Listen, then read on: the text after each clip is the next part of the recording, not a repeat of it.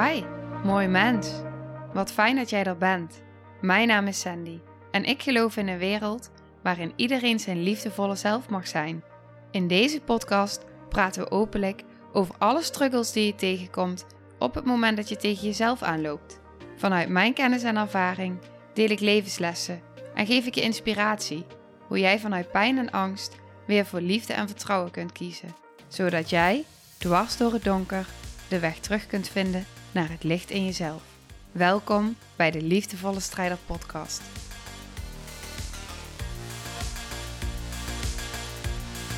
Hey, hallo, welkom bij deze aflevering. Hallo allemaal. Ik zit hier samen met Elle en eh, wij gaan uh, nou, samen praten over onze ervaringen die we hebben opgedaan bij de workshop van Anna Verwaal. Tweedaagse verdieping. Ja. En daar hebben wij behoorlijk wat... Uh... Zeker, daar zijn we veel van onszelf tegengekomen en ook gewoon ja, veel gezien en veel geleerd. En ja. dat willen we heel graag delen. Ja, en voordat we dat gaan doen wil ik wel nog even een paar dingen toelichten. En een van die dingen is dus dat op het moment dat je nu via YouTube kijkt, dan is ons plan dus gelukt. uh, want wij gaan namelijk, normaal neem ik op via Zoom. Waardoor ik en beeld en geluid heb. Alleen het geluid wordt slechter en het beeld ook. En we hoorden dus laatst van iemand die zei toen, toen wij een eerder interview opnamen. Dat het geluid echt gewoon, nou, onze stemmen zo ver uit elkaar lagen. En toen dacht ik, ja, dat wil ik dus niet. En via het programma waarin ik echt alleen opneem met de microfoons, kun je veel meer het geluid naar elkaar toe comprimeren, zeg maar. Uh, dus dan is het fijn dat te luisteren. Dus we zijn nu apart aan het opnemen op video. En dan gaat mijn VA kijken of ze alles samen kan uh, vermengen. en dan hebben we dus goed beeld en geluid. En dat is wat ik graag wil. Dus dit is een experimentje. Ja. Dus, en anders uh, hebben we alleen geluid. ja, anders hebben we alleen geluid. Ja, maar in ieder geval wel goede kwaliteit. En die is het belangrijkst. Dus dat is één. En het volgende wat ik nog tegen je wil zeggen als je nu luistert, is um, als je deze aflevering gaat luisteren, luister hem niet in de auto. Dus als je nu in de auto zit en je luistert vaak in de auto, dan wil ik je vragen. Het is natuurlijk wat je er zelf mee doet. Uh, maar in ieder geval, ik zou je aanraden om dat niet in de auto te doen. Omdat we best wel over hele diepe, kwetsbare thema's gaan praten. En het zou kunnen dat je daarin geactiveerd gaat worden. En dat er ineens iets door je heen komt waarbij je denkt: wow, maar dit voel ik in mijn lichaam. Dat heb ik nooit eerder zo gevoeld. Dus die is belangrijk. En wat daarin ook belangrijk is, is op het moment dat je weet van jezelf dat je snel dissocieert, wil ik je ook aanraden om even een hulpbron bij je te pakken. Dus uh, misschien iets wat je gewoon in je handen kan houden, waarbij je voelt van, oh ja, um, ik ben hier, in het hier en nu en ik ben veilig. Dus um, die gun ik je in ieder geval, omdat ik weet dat, uh, nou, het is best kwetsbaar. Ja, zeker. En daarin is denk ik ook nog een mooie toevoeging, is dat alles wat wij hier nu delen, delen we ook echt vanuit onze ervaring.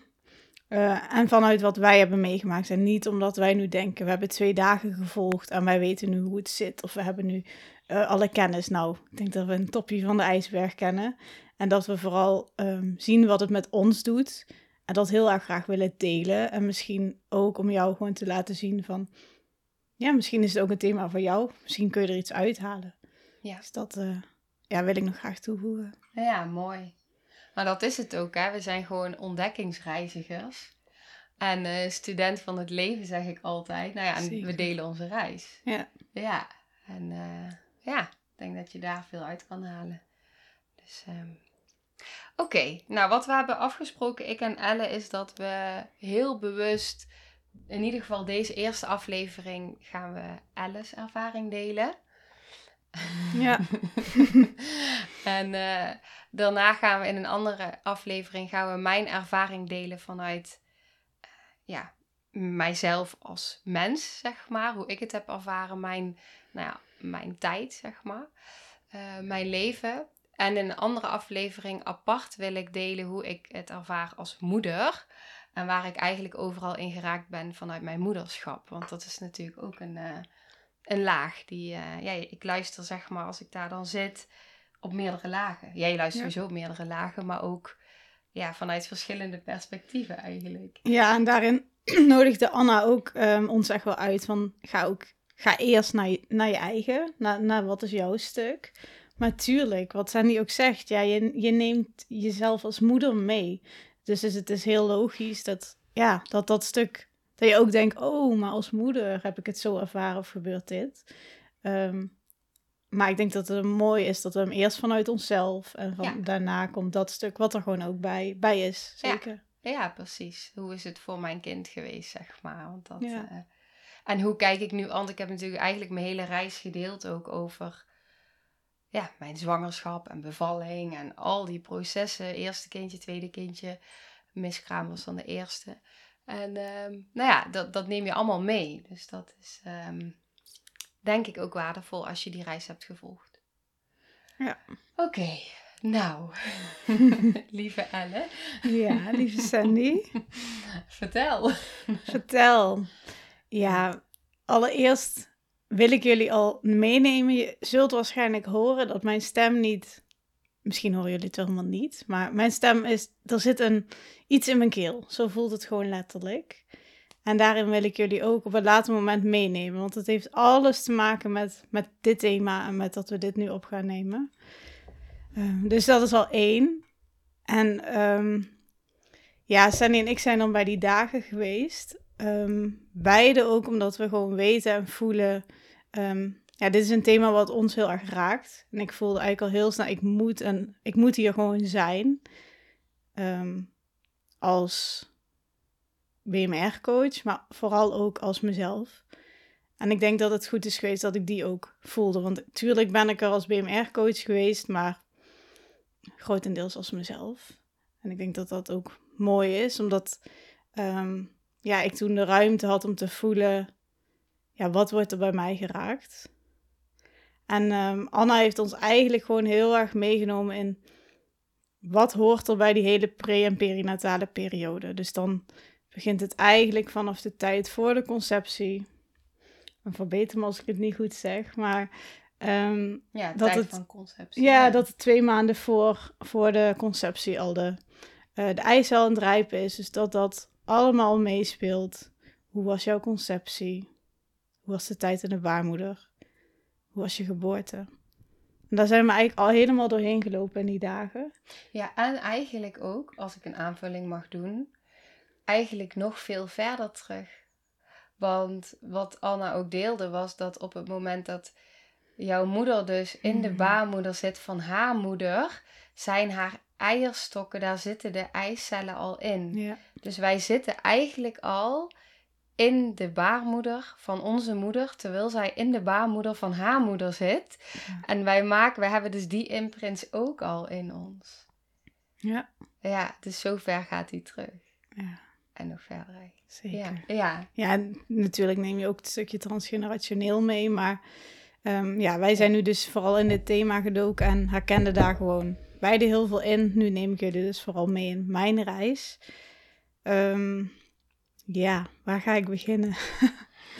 um, ja, het stukje conceptie was bij mij iets wat voor, voor mij heel oké voelde. Ook Anna neemt je gewoon heel erg mee in de verhalen, de uitleg, voorbeelden daarvan. Waardoor je heel erg kunt voelen, oké, raakt dit mij? Ehm, ja, je lichaam reageert. Precies, dus waarin jij weet van oké, misschien weet ik niks, maar voel ik wel iets. Dat was bij mij in dit geval niet zo. Een stukje conceptie en die tijd voelde gewoon helemaal oké. Ehm, ja, dan op een gegeven moment hebben we dus besproken dat er verschillende baarmoedertypes zijn. Mhm. Ehm, en daarin begon ik al een beetje te dat ik dacht, oh ja, welk baarmoedertype zat ik, zit ik. Um, ik kan ze nu niet allemaal één, één op één opnoemen, maar je hebt natuurlijk gewoon de vruchtbare baarmoeder, de, waar gewoon alles fijn en, en, en goed voelt. De toxische baarmoeder, dus voor een moeder die nog um, middelen gebruikt. Of heeft gebruikt, of heeft voor, gebruikt, voordat ze zwanger werd zit allemaal nog in de baarmoeder. Ja, ehm, de kille baarmoeder, dus een moeder die zich op een soort van afstand houdt, waar het dus ook koud voelt. Mhm. de, de horror, ik weet even oh, niet het spookhuis, zo noemden ze dat. En dat was dus al zoveel um, miskramen. miskramen, abortus uh, gepleegd, waarom dat die energie dus daar nog aanwezig is. Ja, eigenlijk op het moment dat er een kindje is overleden. Ja. Of het nou via abortus of miskraam is, maar er is, ja, er is rouw, er is dood in de baarmoeder. En dan had je nog de opslokkende baarmoeder. Dus de mhm. mama die eigenlijk heel erg graag wil dat jij komt. Daarin zie je dus soms een stukje vervanging van een eerder kindje. Ik wil nu dat je hier bent. Uh, ik heb jou nodig om mezelf te dragen. Um, ik heb jou nodig om me goed te voelen. Mm, ja. ja. Dat zijn allemaal dingen die jij als klein kindje dus ook echt al voelt.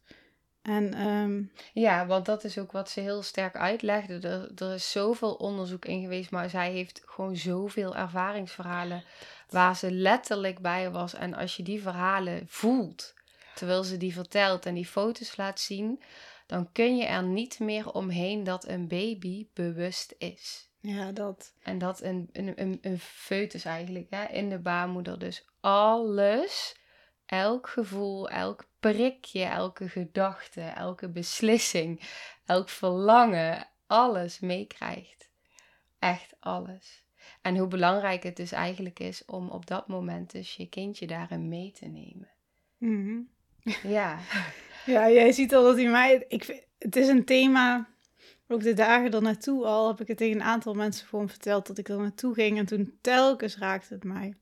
Hmm het is gewoon een thema wat ik gewoon heel erg voel, waar ik heel erg naartoe mag en waar ik ook gewoon heel erg die drive in voel. En ja, wat jij zegt, Anna heeft dan daar zoveel ervaringsverhalen in. Wij, ja, wij snoepen even twee dagen mee. Ja. ja. Maar goed, ik zal bij mijn eigen blijven. Uh, ik dacht in eerste instantie, ja, goede, fijne baarmoeder. Ergens kon ik het opslokkende voorstellen, maar ehm, ook niet helemaal, omdat mama en ik zijn gewoon heel erg verbonden. Maar dat zit op een ander uh, level. Dat komt later ook wel op een ander niveau. Um, nu is het wel zo dat ik al op een eerder moment in een eerdere sessie, los van nu bij Anna Verwaal, gevoeld heb dat er in de baarmoeder een uh, energie van een ander zieltje aanwezig was. Um, dus als je het zo bekijkt, zou het dan wel dat, zeg maar even spookhuis kunnen zijn geweest. Um, dat was een zieltje wat er niet tegelijk met mij was. Tenminste, zo ervaar ik hem nu. Wie weet voelt het nog op een ander moment anders als ik er uh, nog, mee, nog meer mee in contact kom. Um, en dat heb ik ook met mijn moeder overlegd en die gaf ook aan. Ik was me er niet zo bewust van, maar nu je het zegt, zou het zomaar kunnen dat ik een eerdere miskraam gehad heb. En daarin voelde ik al heel erg dat um, dat ik geen ruimte had in de baarmoeder. Dus dat ik, ehm, ja, ik zeg altijd, even op mijn tekenopje letten of die blijft staan. Als de hmm. baarmoeder zo is, ik had dit stukje. En, ja, ze maakt nou eigenlijk een rondje. Ja, ja ik, vertaal het voor de luisteraar. Ja. ja. Dus eigenlijk is zeg maar een soort van... Ik maak een rondje waar ik eigenlijk een vierde van um, ja, ruimte had. Ja. Um, die kwam op, dit, op dat moment bij mij niet meer zozeer binnen, omdat hij voor mij niet nieuw was. Ik herkende hem. Ik voelde hem natuurlijk, voel ik hem nog. Ik voel ook dat zieltje wat daar was heel vaak nog bij me. Ehm, ik zeg het en ik voel het ook, dus dat is wel heel uh, bijzonder. Um, Dus die tijd en die baarmoeder voelde voor mij wel. Dit is dus niet vertragen, mensen. Het is dus even heel snel eroverheen bewegen, zodat we niet te veel hoeven voelen, omdat het te kwetsbaar is. Ja. ja. Betrapt. Ja, ja, maar ik, ik zeg het omdat ik daarin ook iets uitspreek naar iets in jou. Die mhm. daardoor ook even voelt van, oh ja, ik word wel erkend, zowel door jou als door, nou ja, het zit in het veld nu, zeg maar. Ja. Doe het gewoon mee. Ja, en het is oké. Ja. Ja. En wat bij mij, uh, wat bij mij dan heel erg uh, in die baarmoeder voelde het verder wel gewoon heel erg fijn en liefdevol. En um, alleen ja, die energie was er. En ik voelde gewoon niet per se een plek voor mij.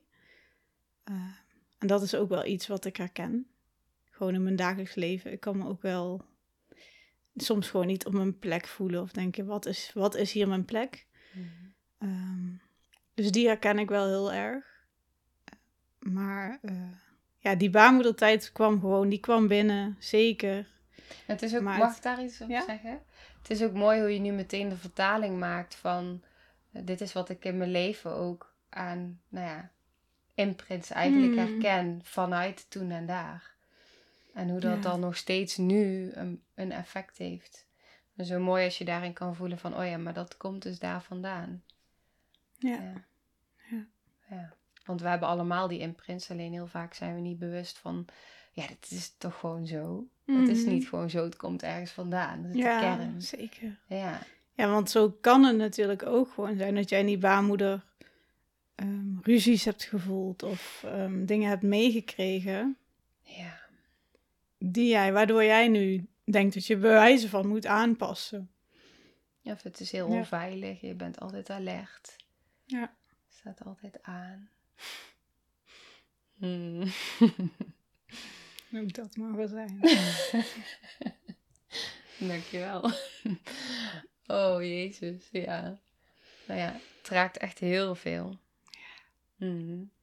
En dat is. Ben je oké als ik doorvraag? Ja, zeker. ik ben even, even aan het voelen in mijn lijf, dus dat is fijn. Ja, het is alleen maar fijn als je doorpraat, want dan kan ik even ermee zijn. Ja, maar ik wil er niet overheen praten. Nee, zo voelt het ook niet. En dat is ook het stukje, alles wat je daar voelt in die baarmoeder of conceptie, geboorte, het is allemaal pre-verbaal. Dus het is voordat jij je kon uiten met woorden. Dus ik heb ook tegen Sandy gezegd, laten we die podcast nu opnemen, want nu heb ik de woorden. Ja. Want nu ben ik net daar geweest, anders... En ik herken die heel erg, echt heel erg. Ook in mijn werk, als mensen vragen, wat doe jij?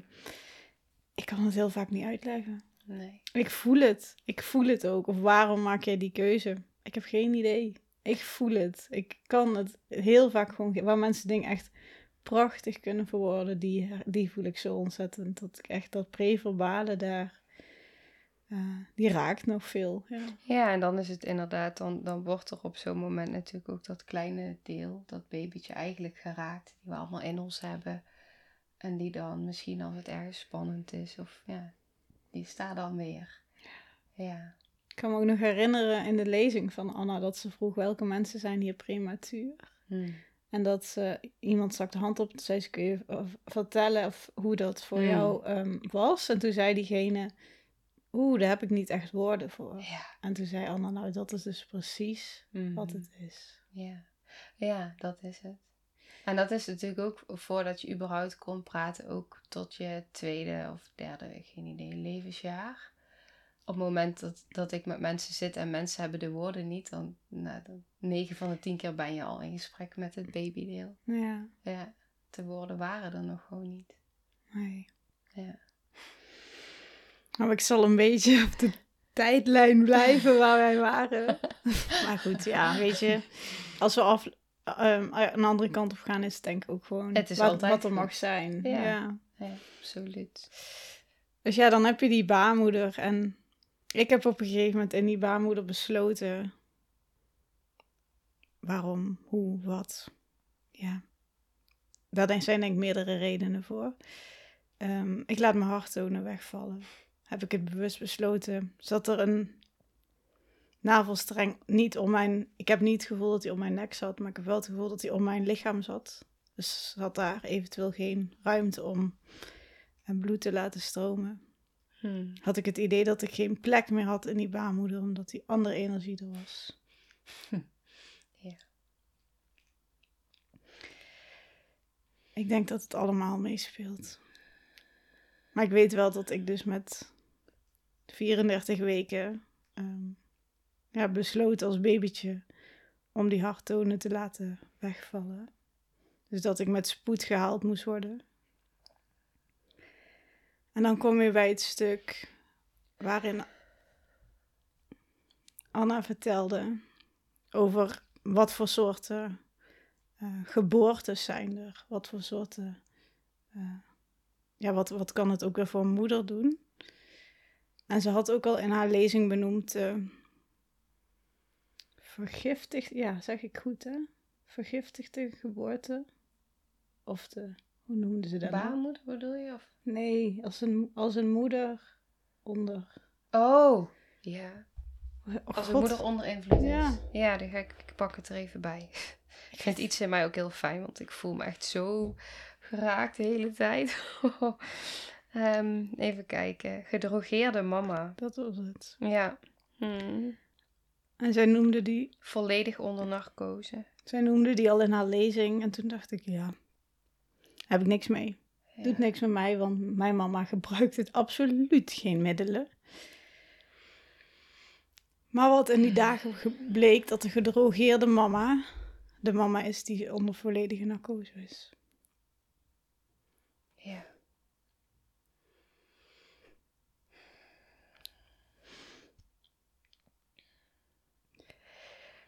En volgens, volgens mij voel ik nou gewoon ook mee van mijn mama. Mhm.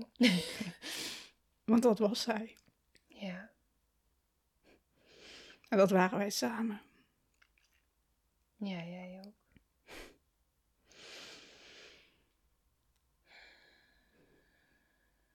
Ik zat gewoon als kleine baby in een baarmoeder.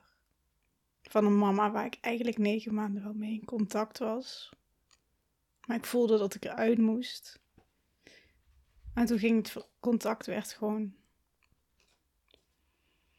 verbroken eigenlijk. Van beide kanten. En ik voelde mama niet meer. En zij mij niet.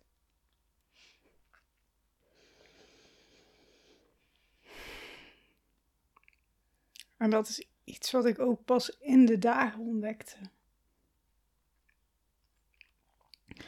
Want het is dat Anna vroeg, was jouw mama gedeeltelijk onder narcose of volledig? En ik wist het niet. Dus ik moest het vragen. Ja. Toen reageerde mama. Ik was volledig onder narcose. Omdat er zoveel spoed was en het moest snel en keizersnee.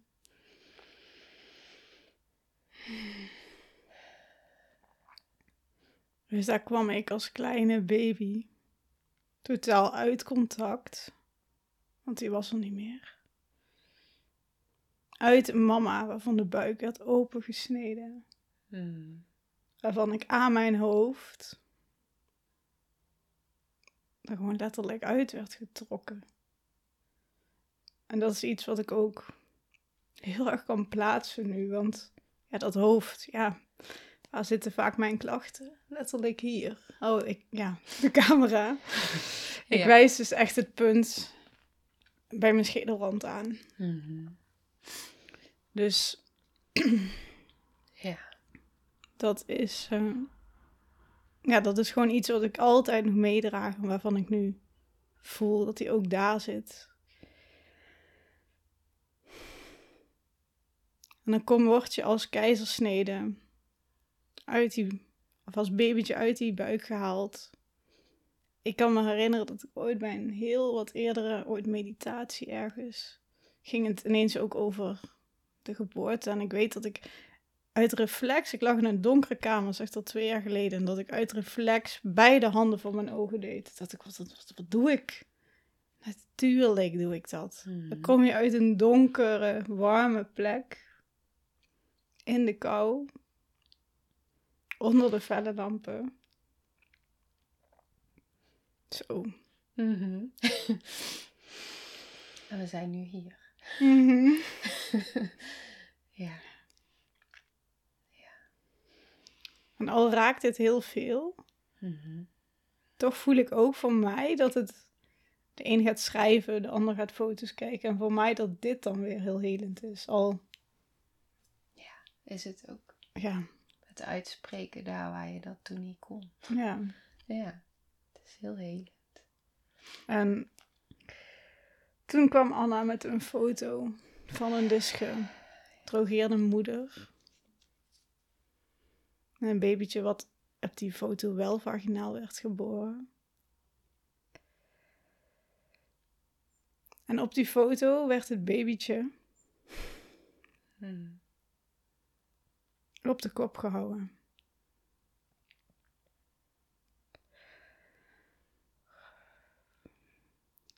Ben even stil. Ja. Dat ik even ruimte nodig heb voor, me, voor dit. Hmm. Kun je je voeten nog voelen? Mm. En het kopje in je handen. Ja.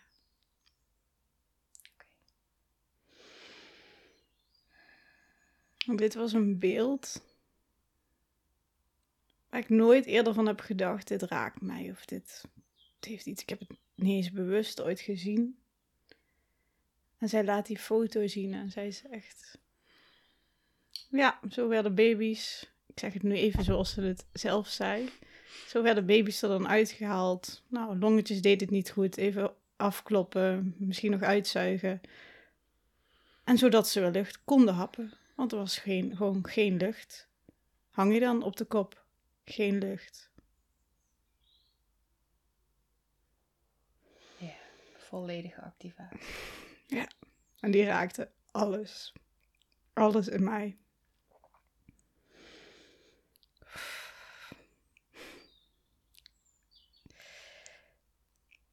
En waarom... Hm? Neem je tijd. Hm. En wat maakt dat hij zo raakt? Voor degenen die eerder op podcast hebben gehoord, het is misschien herhaling, maar ik heb meerdere keren, maar vooral één keer is heel opvallend, heb ik dingen gedaan waarbij ik op de kop ging, puntje jumpen, maar vooral parachute springen.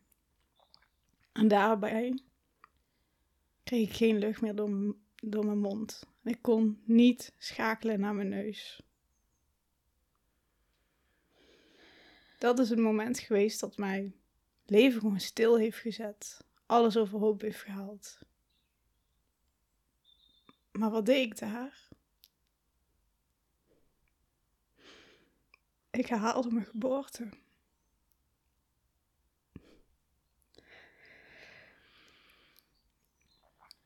En hoe goed ik ook weet, soms blijf je dingen halen tot je ze heelt.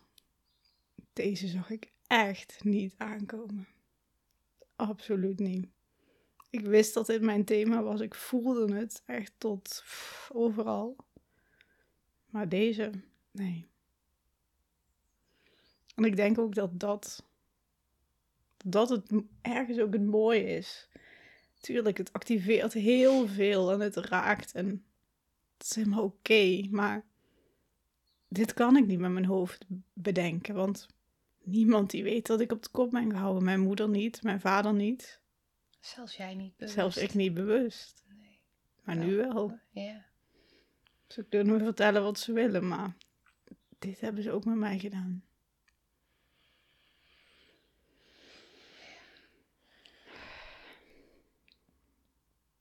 En het mooie is nu, na toen ik hem uitsprak, raakte die heel veel en nu voel ik ook wel meteen ruimte. Hmm. En wat was mijn woord bij de dagen van Anna? Ruimte. Ruimte. Ik wist het niet. We moesten een woord uh, benoemen wat we die dagen wilden, wilden dat het hmm. ons opleverde. En ik kreeg ineens ruimte. Ik dacht, hè? Ruimte in de baarmoeder. Ruimte om te ademen. Ruimte om een plek in te nemen. Ja. Dus daar begon al mijn reis. In de baarmoeder. Ik had geen ruimte. Ik kwam helemaal op mijn gevoel. Uit, uit connectie. Uit een donkere, warme plek gehaald. Werd op de kop gehouden. En toen werd ik ergens in een couveuse gelegd voor één dag. Daarna een warmtebedje. Ik heb hem niet bij. Eigenlijk had ik de foto mee moeten nemen voor, de, voor het beeld. Maar goed, voor de kijkers. Heb ik niet. Ja. Ik heb een foto van mezelf als baby. En dat is de foto die mama de eerste dag te zien kreeg. Hmm. Mama nog half onder narcose. Dit is jouw dochter.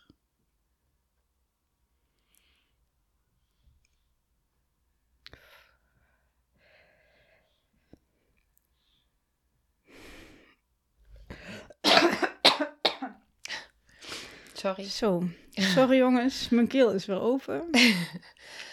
Ik vraag de VE wel om dit laag. Sorry, dit was me. Nee, ik kon hem echt niet tegenhouden. Oh, ja, dat uh, gebeurt ook. Het lichaam doet lekker mee. Het lichaam doet volledig mee. Jezus, is die warm. Maar mijn keel is vrij hoor. Het is echt zo. Zo. Die is al dagen bezig. Oh. Uh. Ja. Waar waren we? Ik weet nog wel waar we waren. Ja, mijn mama die die foto zag. Ja.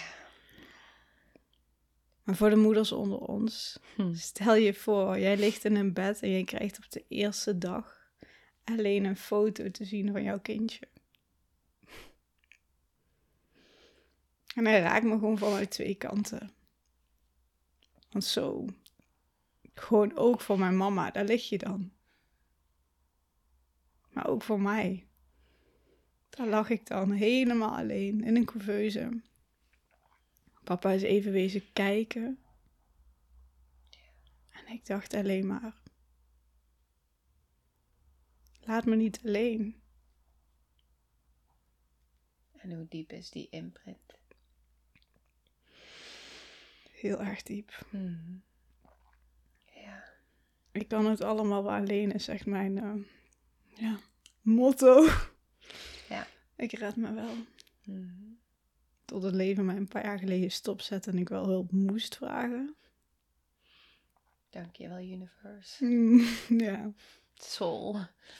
Ja. Ik kon het allemaal alleen. Mm. Dat heb ik daar besloten. Als ze toch niet komen, als ze me toch alleen laten. Dan doe ik dat de rest van mijn leven ook. dat wil niet zeggen dat mijn ouders me de rest van mijn leven alleen hebben gelaten. Zeker niet. Maar pas na de tweede dag mocht mama bij mij. Ze mocht me aanraken door de toen volgens mij warmtebedje of nog net couveuse heen. Volgens mij op mijn benen of wat dan ook. En pas na een paar dagen kon ik, mocht ze me vasthouden.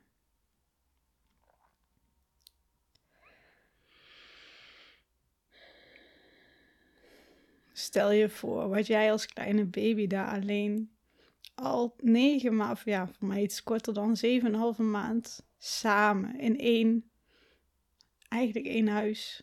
Mama was mijn huis.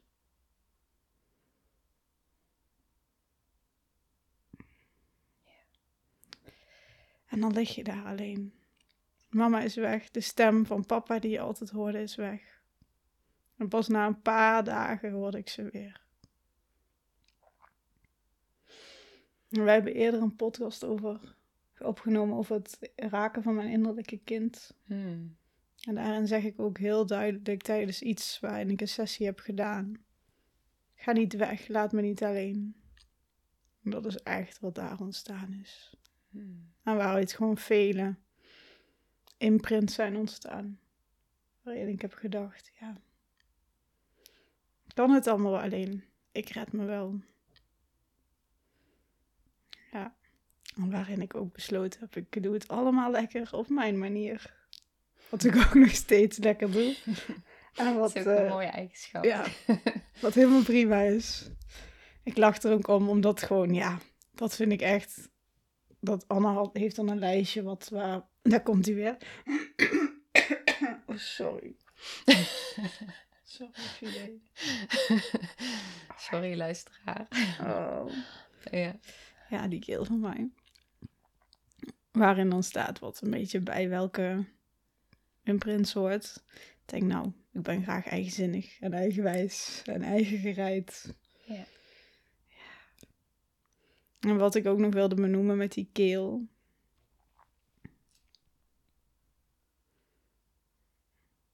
Wat iets typisch is voor als jij geïntubeerd bent. Is dat je op een later moment denkt, ze horen me toch niet. Want stel je voor, jij ligt daar als kleine baby. En als jij dit voelt, als je dit nu luistert, dan wil ik je vragen om even echt bij jezelf te blijven.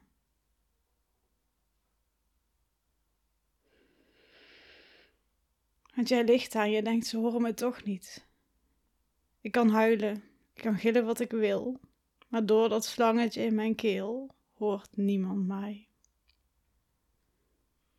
Dus ik kan me uitspreken. Maar niemand hoort het. En dit is een thema waarin ik nog wel een beetje aan het zoeken ben. Want mijn moeder zegt dat dit niet gebeurd is. Maar mijn lichaam zegt van wel. En iets in mij denkt dan ook, ja, wie weet wat er die eerste dag is gebeurd. Ze was er niet. Nee. Ze weet het niet. Nee. En daar kan ze niks aan doen. Nee, zeker niet. Maar, um, ja. En jij was er wel. Jouw lichaam weet het wel. Mm En mijn lichaam laat hem heel duidelijk voelen. Ja. Dat er iets daar in die keel. En ik herken hem ook. Ik herken hem zelfs in de dagen. Dat ik dan denk, ook oh, wil iets zeggen. En dan hmm. zeg ik het toch net te zachtjes. Ja. Zodat niemand het hoort. Ja. En dit is niet een patroon wat ik... Het is een patroon wat ik altijd al heb. Maar het is een patroon wat ik bijvoorbeeld als kind omgekeerd gebruikte. Toen riep ik altijd zo hard, zodat ze me wel hoorden. Hmm. Ik was altijd de drukste van de klas. Ik had alleen maar rapporten met... Uh, ik mocht wel wat zachter praten. dus um, zo zie je maar dat zo'n patroon ook gewoon meerdere kanten op kan gaan. Absoluut. Maar dat je hem wel meedraagt. En dat hij zich op verschillende manieren kan uiten. Ja. Het, het is geen vast omlijnd lijstje van oké, je hebt dit meegemaakt, dus dit zijn je patronen. Nee, het kan zijn dat.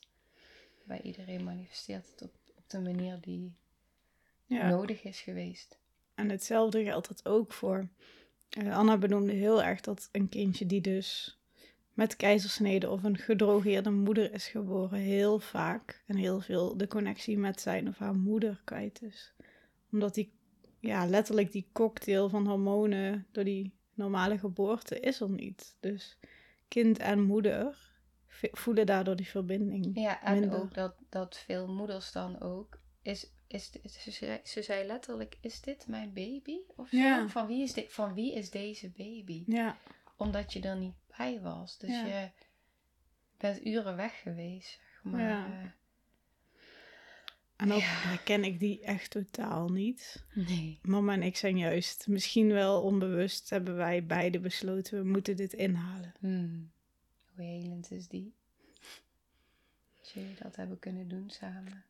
Ja, dat doen we nog steeds. Ja. En ook dat is misschien een patroon waar wij in mogen groeien en mogen onze weg in mogen vinden. Heb je gepubert? Of ik gepubert heb? Ja? Mij valt er wel mee. Hmm, dan mag je nog gaan puberen, denk ik. het is echt... Ja? Ja. Ja. Ja, het is echt op het moment dat je je puberteit, zeg maar, niet... Puberteit is loskomen. Je, je voor jezelf gaan staan. Loskomen van je ouders. Ik heb wel... Er zijn wel momenten geweest dat ik dacht... Ja, hey, je hoeft niet alles te weten. Ga toch weg. Heel ja. Ja, dus Die, die, die ken ik wel hoor. Maar... Um, ja, wat is... Ja, ja de een pubert anders dan de andere. Ja, maar, absoluut. Ja.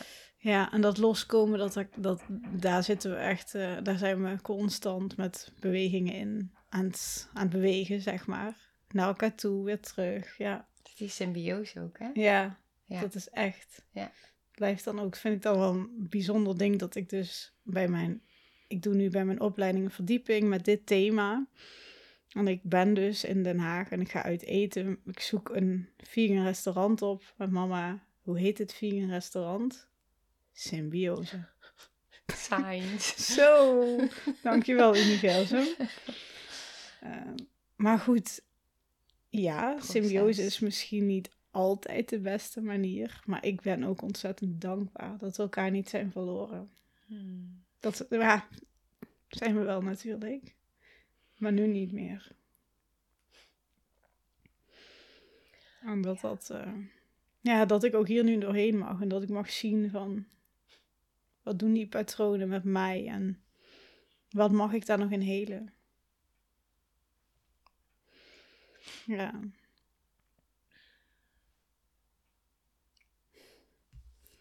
Dus ja, er zit bij mij, ja, er zijn zoveel dingen die los zijn gekomen. Waarin het stukje, ja, dan heb je verschillende imprints die je kunt voelen, zoals dus de, ehm, de vergiftigde moeder, prematuur, keizersnee,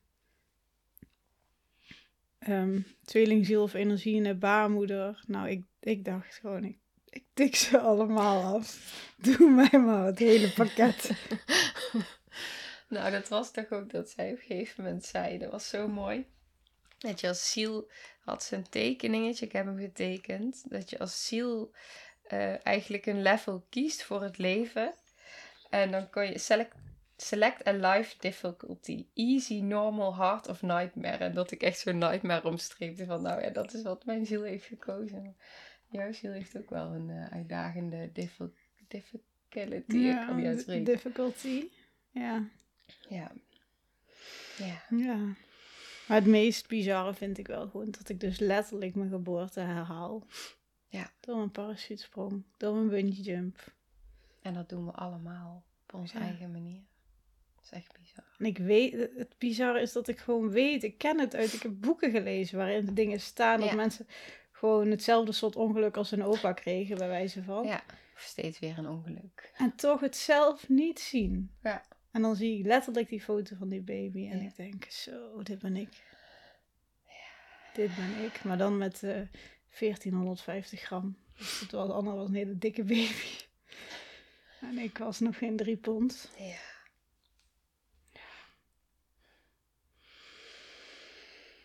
Ja, ik heb het gevoel dat ik nog iets wil zeggen om af te sluiten, maar ik... Uh, dat is ook hilarisch. Ik heb de woorden niet uh, oprecht zeggen. nou, weet je wat mooi is? Hij wordt sowieso niet afgesloten, want we gaan er nog meer opnemen. Dus misschien komt dat nog wel. Maar inderdaad, deze wordt al afgerond zo. Ja. Maar misschien is het ik had hem even anders verwacht. Hmm, wat had je verwacht? Geen idee. Ik had hem gestructureerder en mijn hoofd wilde hem anders, maar hij loopt zoals hij loopt. Ik vond hem best gestructureerd eigenlijk. Ja? Ja. Hij was heel helder. Maar dat is ook... heel voelbaar. Weet je, dat is het. Kijk, ik kan hem wel bedenken met mijn hoofd, maar dat gaat helemaal niet met het thema. Nee, absoluut Hij mag echt... Uh, ja, ik leg mijn hand op mijn hart, maar hij mag echt um, ja. hier zitten. Precies. Um, ja. En wij voelen elkaar daar gewoon heel erg in, omdat we één, heel verbonden zijn en twee, ook gewoon beide niet... Natuurlijk, we hebben geen exact dezelfde dingen meegemaakt, maar we hebben wel overlappen. en dat maakt heel voelbaar en ook heel... Ik ben ook gewoon heel dankbaar dat ik hem daardoor...